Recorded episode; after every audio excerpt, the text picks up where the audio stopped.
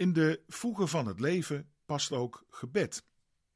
Beste mensen, in deze week vragen de gezamenlijke kerken speciale aandacht voor het gebed.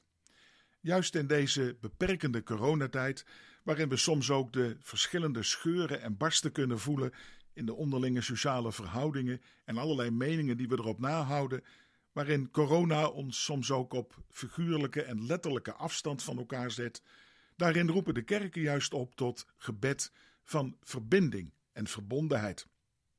Daar past vanuit de kerken ook best wel bescheidenheid bij, denk ik. In het besef ook dat bidden niet meer voor iedereen iets is dat bij je dagelijkse levensritme hoort. Toch is de boodschap van de kerken natuurlijk eentje van verbondenheid.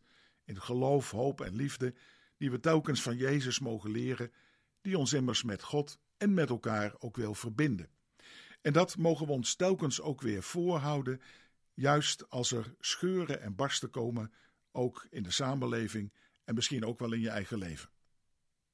Ik moest daarbij terugdenken aan jaren geleden toen ik op een rondreis door Israël bij de Klaagmuur in Jeruzalem stond. U weet wel, dat beroemde restant van die verwoeste oude Joodse tempel, waar mensen naartoe komen om daar te bidden.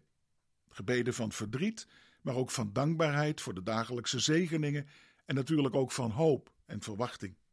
Gebeden die dan op een briefje geschreven worden om dan in de voegen en de scheuren van die klaagmuur te stoppen. Een mooi gebruik, denk ik, om je gebeden op te schrijven, te adresseren, letterlijk een plek te geven in de verwachting dat God ze hoort. Zoals sommigen een kaarsje branden of met een gebedslijst de aandachtspunten maken om zo nog gerichter voor zaken te kunnen bidden. Er zijn zelfs tegenwoordig digitale manieren om je gebeden op te sturen. Zie het maar als een hulpmiddel voor concentratie. Natuurlijk in het besef dat God onze gebeden in welke vorm dan ook altijd hoort. Maar wat ik bij die klaagmuur zo mooi vind, is dat die gebedsbriefjes juist in de voegen van die grote stenen gestopt worden. Als een soort cement van gebed zou je kunnen zeggen, in de voegen van het leven. Nu moet je weten dat die stenen van de oudste Joodse tempel helemaal, helemaal niet met cement gestapeld zijn, maar zo in de tijd bewerkt zijn dat ze keurig op elkaar passen. Dat maatwerk gebeurde overigens niet bij de tempel zelf, maar ergens anders, opdat de bouw van de tempel in alle rust zou verlopen. Zeg maar, in prefab werden de bouwstenen gemaakt. Maar juist daar in die scheuren en vroegen van de tempel, soms ook misschien wel van het leven en de samenleving, daarin passen juist nu net die gebedsbriefjes. Een mooi symbolisch iets, denk ik. Die gedachte dat gebed juist in de scheuren ook van het leven voor verbinding en houvast kan zorgen, spreekt me geweldig aan.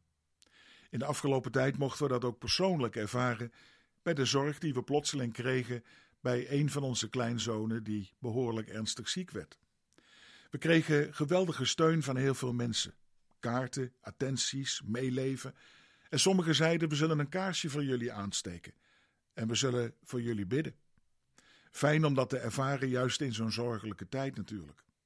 En naast die gebeden zijn we natuurlijk ook dankbaar voor die geweldige inzet van doktoren en verplegend personeel, voor hun kennis en kunde van medicijnen en therapieën en inzicht. Laten we juist nu, nu er ook zoveel sceptisch is naar de wetenschap, ook rond de corona, toch ook daarin de zegen van God blijven zien. Zo is er op dit moment een heel team van kinderartsen betrokken met onze kleinzoon, met hun kennis en expertise. Jaren geleden mocht ik een oud collega van dat kinderartsenteam trouwen en een zegen vragen over hun huwelijk, maar ook over hun werk. En dat vind ik eigenlijk een troostrijke gedachte, dat op dat moment eigenlijk die beide lijnen bij elkaar kwamen, ook voor vandaag, dat oude adagium bid en werk. En juist, juist in die voegen en scheuren van het leven dus, zowel persoonlijk als in de samenleving, is het heel terecht dat de kerken aandacht vragen dat we mogen leren vertrouwen weer opnieuw op kennis en kunde en wijsheid die God ons gaf, maar ook op de onmisbare zegen van de Heer, met zijn verbindend cement van geloof, hoop en liefde en trouw, steun en troost, elk moment van je leven. En laten we daar inderdaad maar voor blijven bidden.